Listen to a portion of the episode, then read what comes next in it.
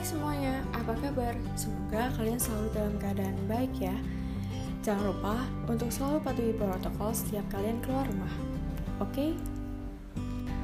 Perkenalan dulu yuk. Hai, aku Irma Junior. Pada kesempatan ini, aku akan memulai sebuah podcast. Dan hari ini adalah podcast pertama aku. Hope you enjoy.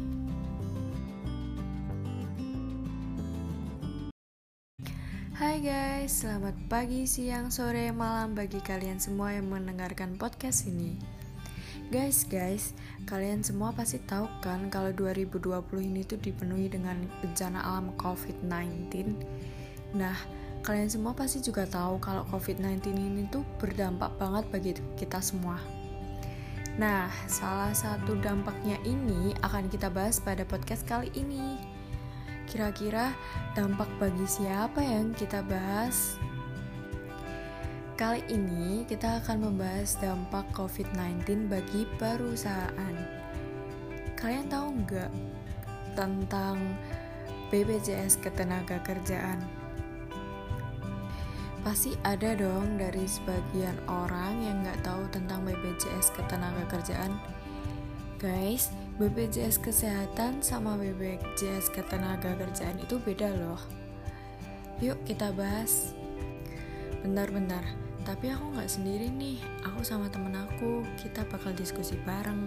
Kita cari tahu apa itu BPJS Ketenagakerjaan. Terus cari tahu gimana sih perusahaan bisa menangani BPJS Ketenagakerjaan selama pandemi COVID-19 ini. Mari kita diskusikan.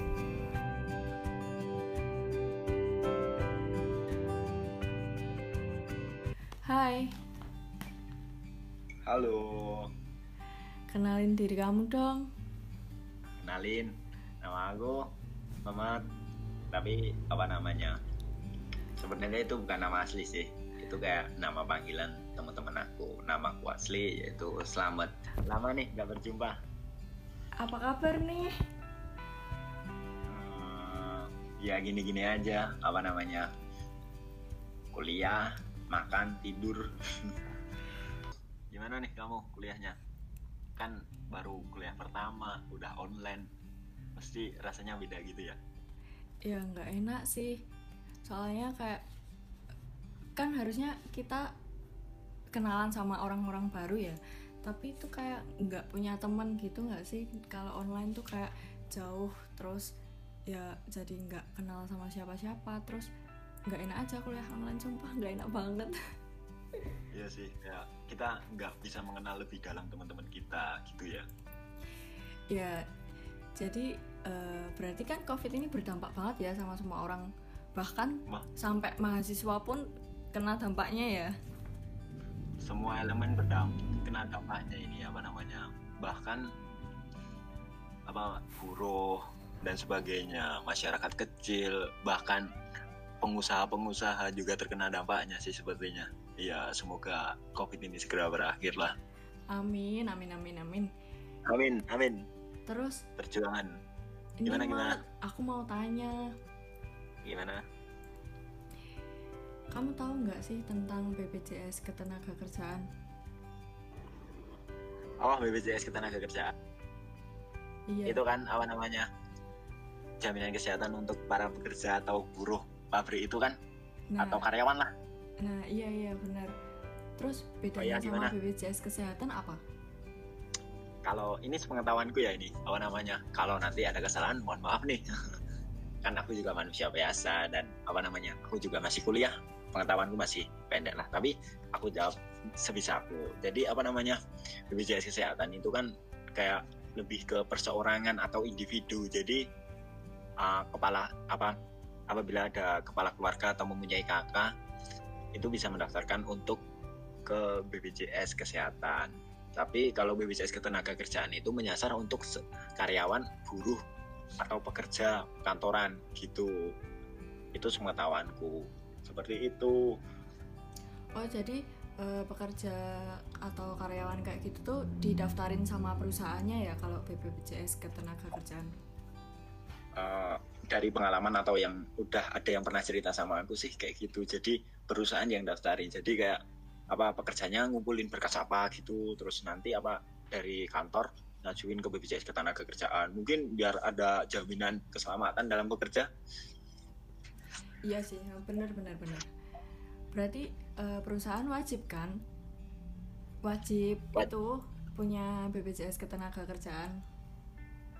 Uh, bukan perusahaannya yang wajib mempunyai BPJS ketenaga kerjaannya. Tapi perseorangannya. Kan kantor itu kan buat perantara. Jadi yang apa namanya uh, yang mempunyai jaminan kesehatan itu juga pekerjaannya manusia atau orangnya itu. Tapi kan sebenarnya itu nggak wajib. Ada kok juga beberapa perusahaan yang nggak memakai atau menggunakan BPJS kesehatan. Tapi dianjurkan untuk memakai BPJS ketenaga kerjaan karena memak apa ketika memakai BPJS kesehatan eh BPJS ketenaga kerjaan itu kayak uh, kerjanya lebih terjamin gitu loh keselamatannya. Apabila ada kecelakaan udah ada asuransi yang menanggung semisal ada apa-apa. Tapi ya berdoa aja sih nggak ada kecelakaan atau nggak ada apa-apalah yang berkaitan dengan kecelakaan. Iya amin amin amin, amin. nah Tadi kan kamu bilang kalau ada perusahaan yang nggak ikut serta dalam BPJS ketenagakerjaan ini.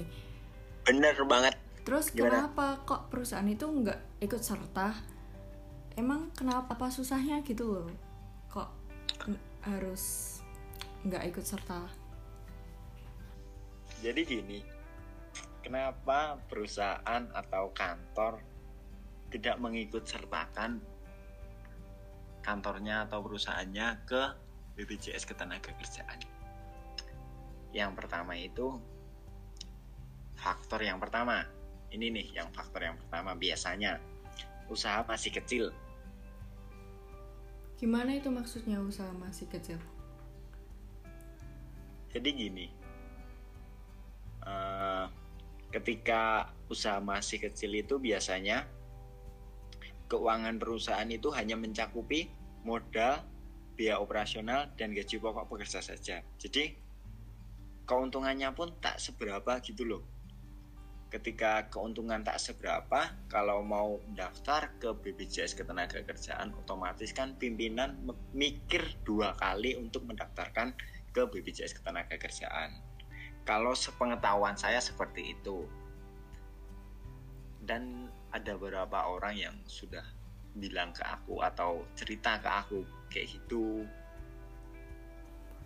Oh. Jadi jadi kayak rasanya tuh berat gitu loh kalau ingin daftar ke BPJS ketenaga kerjaan.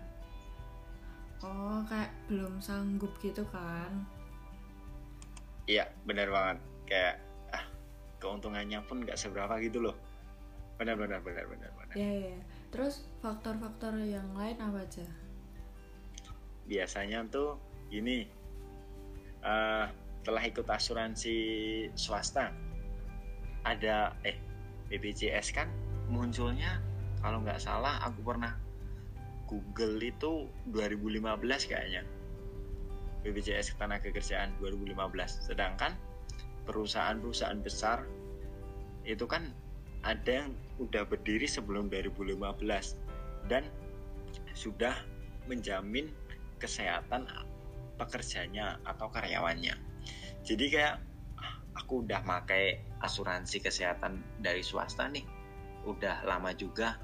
Kalau mau pindahkan kayak gimana gitu, udah percaya juga sama uh, pihak swasta, eh pihak swasta, asuransi swasta kayak gitu. Jadi menurutku kayak gitu sih kayak ah, aku udah pakai lama asuransi kesehatan swasta ini ada baru BPJS Ketenagakerjaan dan belum tahu gimana pelayanannya. Gitu. Tapi overall ketika memakai asuransi kesehatan swasta pelayanannya juga bagus kok. Gitu. Tapi dengar-dengar uh, ketika memakai BPJS Ketenagakerjaan ada kurangnya deh apa itu kurangnya? Uh, kalau aku pernah baca berita sih kayak pelayanannya itu uh, kurang gitu kayak, ya? Iya kurang kayak lambat apa gimana ya intinya kalau bener-bener gawat itu baru di baru di apa dilayani kalau semisal masih bisa gimana atau intinya kayak baru gawat baru ditangani tapi kalau asuransi swasta kayaknya kalau semisal dia udah datang ya udah dilayani. Kalau itu aku pernah baca berita sih tapi itu valid apa enggak ya aku nggak tahu. Itu. Oh, tapi iya. kamu pernah nggak dengar berita kayak Iya gitu? sih, ketika rumor. rumor-rumornya kayak gitu kan. BPJS Iya, BPJS tuh eh, penanganannya kurang. Eh tapi berarti enak dong kalau ikut asuransi swasta. Ya ada enaknya ada enggaknya sih kayak kalau swasta itu kan biasanya iurannya itu kan agak lebih mahal ya kalau Iya, dibanding BPJS iya iya Tenaga biasanya kerja. swasta itu kan lebih mahal Nah itu juga tapi kan sebanding sih ketika ketika perusahaan mengeluarkan uang ya feedbacknya juga sebanding dengan pelayanannya. So, jadi sebenarnya tuh nggak jelek-jelek amat BPJS ketenagakerjaan dan BPJ eh BPJS asuransi swasta pun juga ada kekurangannya. Jadi sebenarnya masing-masing poin atau masing-masing asuransi itu mempunyai kelebihan dan kekurangannya gitu loh. Jadi ya tergantung pribadi mau pakai mana sih. Kayak gitu. Tapi banyak juga kok perusahaan-perusahaan yang memakai BPJS ketenagakerjaan di lingkungan atau di sekitar rumahku. Pasti lingkungan rumahmu juga pakai BPJS ketenagakerjaan iya kan Ir? nggak tahu kamu anak rumahan. Anak rumahan banget pasti kamu. Emang. Makanya mungkin ada ya di luar sana yang nggak tahu tentang ini nggak tahu tentang BPJS ketenagakerjaan tentang lingkungan perusahaan. Soalnya ya itu. Kadang kita tuh eh, nggak berbaur gitu loh nggak tahu dunia luar tuh kayak apa gitu jadi Iya. kita bahas di sini biar semua orang tahu Ah, Nah, oke. terus terus eh, faktor apa lagi? Coba. Ah, eh, untuk yang ketiga kurang pemahaman tentang BPJS kesehatan dan ketenagakerjaan jadi BPJS tuh BPJS kesehatan sama BPJS ketenagakerjaan tuh beda sebenarnya. Eh jadi BPJS kesehatan itu kayak kita kita nih bisa punya BPJS kesehatan. Tapi untuk pekerja atau karyawan itu harus mempunyai BPJS ketenagakerjaan jadi walaupun punya BPJS kesehatan juga harus daftar BPJS ketenagakerjaan kayak gitu. Itu sepengetahuanku sih. Jadi ada kayak miskomunikasi gitu sih kayak salah pemahaman atau kurang pemahaman gitu loh. Oh, aku juga baru tahu kalau udah punya BPJS kesehatan itu juga harus punya BPJS ketenagakerjaan.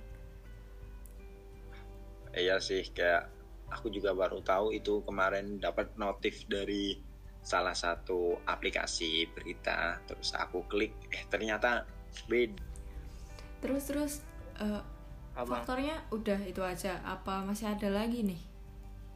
ada nih apa nama ada sih tapi kayak yang ini jarang-jarang banget gitu Apa tuh? Eh, pekerja tidak tetap atau kontrak jadi gini perusahaan itu kan sepengetahuan pengetahuanku mendaftar BPJS tenaga kerjaan itu enam bulan sekali atau kayak nunggu enam bulan sekali gitu loh. Lah biasanya tuh kan eh, pabrik atau kantor itu kan kontraknya mungkin dua tahun tiga tahun gitu loh. Tapi belum a- belum apa namanya belum dua tahun dia udah keluar dulu. Biasanya tuh anak-anak eh, bukan bukan anak-anak sih kayak teman-teman kita yang baru lulus SMK gitu daftar ke pabrik. Mungkin mentalnya belum siap dalam dunia kerja terus nggak kuat terus keluar. Jadi belum didaftarkan tapi Udah eh, keluar udah keluar gitu gitu ya? loh. Iya. Benar banget tuh. Tuh, iya sih bener-bener. iya. Soalnya eh, pegawai kontrak itu kan ya cuman dikontrak ya maksudnya nggak bertahan lama jadinya pikir-pikir Iya. lagi lah perusahaan buat daftarin mereka ke BPJS ketenaga kerjaan Iya bener deh. Coba tanya temanmu ada nggak yang temanmu SMP yang masuk SMK yang sekarang udah kerja punya nggak BPJS ketenaga kerjaan? Pasti apanya mah dari empat poin yang aku sebutin salah satu ada deh kayaknya. Oke, next time aku tanyain ya. Terus udah nih, udah itu faktor terakhir ya? Apa gimana? Nah, Masih ada lagi? setauku setauku cuma itu sih tapi ya nggak tahu kalau teman-teman yang lain yang dengerin ini tahu mungkin bisa komen atau WA ke Irma atau ke Instagramnya Irma Oke, kita tolong ya Share ilmu teman-teman lah. yang tahu mohon infonya ya. ah, ya Terus jangan terus, belit ilmu terus terus aku Gimana? mau nanya lagi nih, ada nggak sih peraturan peraturan peraturan yang eh, mengatur tentang BPJS ketenaga kerjaan itu? wah adalah BPJS itu kan kayak BUMN ya kalau sepengetahuanku jadi ada yang mengatur tentang perihal BPJS yang pertama itu Undang-Undang Nomor 24 Tahun 2011 tentang Badan Penyelenggara Jaminan Sosial. Terus yang kedua itu Peraturan Pemerintah Nomor 14 Tahun 1993 tulisnya 1993 ya tentang Iya, iya. penyelenggaraan tentang penyelenggaraan program jaminan sosial tenaga kerja sebagaimana telah diubah beberapa kali. Terakhir diubah dengan peraturan pemerintah nomor 84 tahun 2013. Aku ulang ya. Terakhir diubah dengan peraturan pemerintah nomor 84 tahun 2013 tentang perubahan ke-9 atas peraturan pemerintah nomor 14 tahun 1993 tentang penyelenggaraan program jaminan sosial tenaga kerja. Kok kamu nggak nanya sih apa namanya? Kok bisa hafal gitu? Kelihatan ya, kelihatan kalau baca. Aduh. Baca kan, iya kan? Iya sih. Kelihatan banget Ini sih aku- kalau baca. Ini aku Google apa namanya ketika kamu tanya tadi langsung aku Google biar agak pinteran dikit gitu. Terus Eh, ada tapi- lagi nih Apa? yang terakhir Apa? apa? peraturan pemerintah nomor 86 tahun 2000 2013 tapi isinya itu kayak lebih ke pengenaan sanksi gitu gini bunyinya eh bunyinya jelasnya peraturan pemerintah nomor 86 tahun 2013 tentang tata cara pengenaan sanksi administratif eh administratif kepada pemberi kerja selain penyelenggara negara dan setiap orang. Selain pemberi kerja, pekerja dan penerima bantuan iuran dalam penyelenggaraan jaminan sosial. Itu menurut Google. Ini aku baca. Oke, Mas. Mamet yang sudah membaca peraturan perundang-undangan. Makasih banyak lo ya udah nyempetin Iya. buat cari-cari di. Google. Eh, tapi aku Iya. mau nambahin nih. Eh, Gimana? ternyata BPJS ketenaga kerjaan itu wajib enggak enggak iya? itu enggak apa Pasti kamu googling juga. iya aku tuh baru aja lihat di Google kalau eh, BPJS ketenaga kerjaan itu wajib. Jadi eh, ini aku bacain ya. Eh, keten- ketentuan itu diperjelas oleh pasal 15 ayat 1 yang menyatakan bahwa pemberi kerja secara bertahap wajib mendaftarkan dirinya dan pekerjanya sebagai peserta kepada BPJS kesehatan maupun ketenaga kerjaan sesuai dengan program jaminan sosial yang diikuti. Jadi, jadi teman-teman yang dikatakan Mas Mamet tadi itu agak kurang tepat ya, harusnya wajib ya. BPJS Iya, iya, iya, iya. perusahaan tuh wajib ya daftarin kan eh, awal-awal itu tadi kan aku belum Google. Jadi ya agak sesuai opiniku gitu loh. Jadi maafkan lah. Nah makanya ada sanksi-sanksi yang itu sanksi-sanksi. Kalau perusahaan nggak bisa bayar uh, eh, BPJS ketenaga kerjaannya. Gitu. Oh gitu ya. Hmm, baru tahu nih aku beneran nih. Berita aku berarti kurang update aplikasiku nih bagus dong berbagi info kita. Iya bener banget sih. Terus nih kan uh, ini bicara tentang COVID-19 ya corona. Nah oh ya ganti topik apa gimana nih? Enggak nih enggak. Masih masih setopik ini. Nah kan oh, selama masih tentang BPJS ketenaga kerjaan iya iya masih tentang itu. Nah selama okay selama COVID-19 ini kan pasti banyak dong yang terdampak atas bencana ini. Perusahaan ya, pun per, perusahaan pun juga ikut ter, terdampak loh. E, kayak kurangnya pemasukan dari orang-orang dari Iya, bener gitu banget. Kan? Bener banget, Dir. Bener, bener banget. Nah, itu berarti kan perusahaan kan e, terdampak ya Nah, bagaimana sih caranya perusahaan itu membayar uh, eh, BPJS ketenaga kerjaannya padahal kan mereka juga terdampak gitu loh. Apa ada ada keringanan dari pemerintah atau gimana? Oh, iya nih. Ini aku baca lagi nih. Pas banget.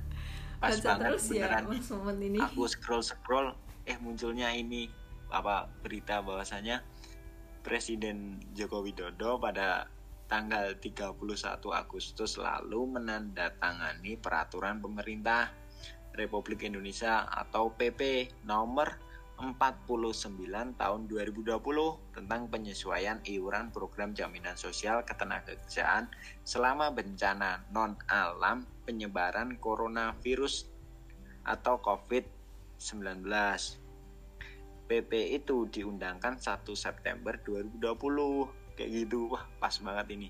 Google menyelamatkanku atas pertanyaanmu Ir tapi kelihatan banget loh kalau baca loh. Aduh gak apa sih. Yang penting kan terjawab uh, ya terjawab. iya terjawab. Apa namanya? Kebijakan baru kebijakan baru ini bertujuan untuk membantu pekerja Indonesia agar tetap terlindung dalam program jaminan sosial ketenaga kerjaan selama wabah corona atau COVID-19. Kebijakan baru ini dijalankan dengan meringankan tarif iuran BPJS ketenaga kerjaan yang dibayarkan oleh badan usaha atau biasanya sih perusahaan pabrik kayak itu bagi para pekerjanya. Dengan demikian, kelangsungan program jaminan sosial para pekerja itu bisa lebih terjaga. Lebih jelasnya kayak gitu, Ir. Oh, gitu ya. Uh, terus terus uh, keringanan apa aja yang diberikan? Uh, ini nih, ada selanjutnya nih di berita. Jadi gini, ada tiga jenis pelonggaran iuran BPJS Ketenagakerjaan yang diberikan lewat PP baru ini yang pertama, kelonggaran waktu pembayaran iuran jaminan kecelakaan kerja atau disingkat JKK.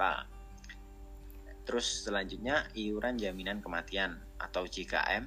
Yang selanjutnya iuran jaminan hari tua atau JHT serta iuran jaminan pensiun atau JP.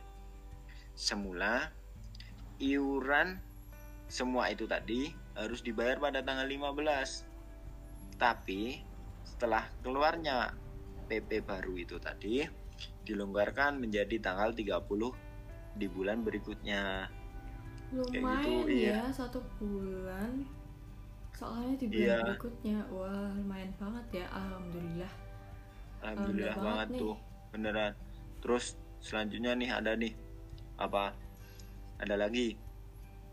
Terus itu kan tadi yang pertama, mm -hmm. bahwasanya uh, pembayaran masalah pembayaran iuran. Terus yang kedua keringanan iuran JKK dan iuran JKM sebesar 99% dari kewajiban iuran tiap bulan. Terus yang ketiga, penundaan pembayaran sebagian iuran JP sebesar 99% dari kewajiban tiap bulan. Ketentuan itu tadi re relaksasi ini dimulai Agustus 2020 hingga Januari 2021. Relaksasi maksudnya gimana ya? Ini di berita masalahnya. ini ini ke Benar-benar beritanya aku cari kebetulan berita. banget apa apa gimana sih? Aku cari KBBI dulu relaksasi ya. Oke oke. relaksasi itu di KBBI 5 itu gini. Yang pertama pengenduran, koma pemanjangan. itu Iya, iya, otot. yang Oh iya berarti Otot. intinya itu eh, kelonggaran waktu lah, kelonggaran waktu dari dari kontrol. Agustus sampai Januari itu udah diringankan bebannya gitu. Eh Oh tapi iya, kan benar ini udah dong, Januari benar. ya. Berarti ini terakhir dong. Bulan terakhir dong. Iya, Semoga masih ada perpanjangan ya, soalnya ini corona kayaknya belum selesai-selesai malah makin parah ya kayaknya ini. Gimana ini corona ini? Aduh, bener juga tuh. Gimana ya nih? Ya, kita berdoa aja untuk teman-teman semua juga agar menaati protokol kesehatan. Ini juga bikin podcast ini kayak pakai dari Online ya, media off- online ya. Jadi teman-teman yang di luar sana tetap menaati protokol kesehatan ya, biar corona ini segera selesai. Amin. Amin, jaga kesehatan ya teman-teman semua. Diulang Jangan lagi lupa nggak untuk ini minum tadi? vitamin. Apa-apa? diulang lagi nggak yang bagian kedua Enggak, enggak usah, enggak usah. Udah jelas ya. Udah jelas ya teman-teman Ah. semua. ya ya ya, ya. Ya udah, mungkin itu dulu kali ya. Soalnya kita udah panjang nih kayaknya durasinya nih. Nanti kalau dilanjutin tambah panjang lagi. Kan pusing yang iya, edit, iya yang sih, edit bener-bener. pusing. nanti takutnya yang dengerin kayak bosan Bosen, apa sih bosen. lama banget Jadi intinya itu guys, intinya itu BPJS Ketenagakerjaan itu tuh wajib. Terus di tahun 2020 selama ada COVID-19 ini tuh direnga- diringankan bebannya sama presiden kita. Alhamdulillah banget ya, terima kasih banyak Presiden terima kasih Bapak Joko Presiden Widodo, Joko Widodo. karena telah meringankan beban perusahaan dan meringankan Ya. beban kita semua. salah satu presiden favorit saya tuh Wah, iya ya. ya udah mungkin segitu dulu. eh eh, makasih ya. Ini buat eh, Memet udah ngeluangin waktunya buat diajak diskusi tentang BPJS Ketenagakerjaan. Makasih lo ini udah repot-repot. iya nih kamu tuh ngerepotin banget iya iya ya sama-sama sama-sama sama-sama makasih juga udah diajak kayak gini jadi bisa sharing ilmu ternyata opini saya salah tadi. Yaudah makasih semua. Ya, selamat eh, sampai jumpa di podcast selanjutnya ya. Kapan-kapan lagi, Mas Memet. ya bentar bentar bentar. Tapi ingat ya apabila ada kesalahan di check lagi gitu. Pure opini saya. Terima kasih semua. Terima kasih, sampai jumpa lagi Mas Muhammad. ya sampai jumpa juga Ir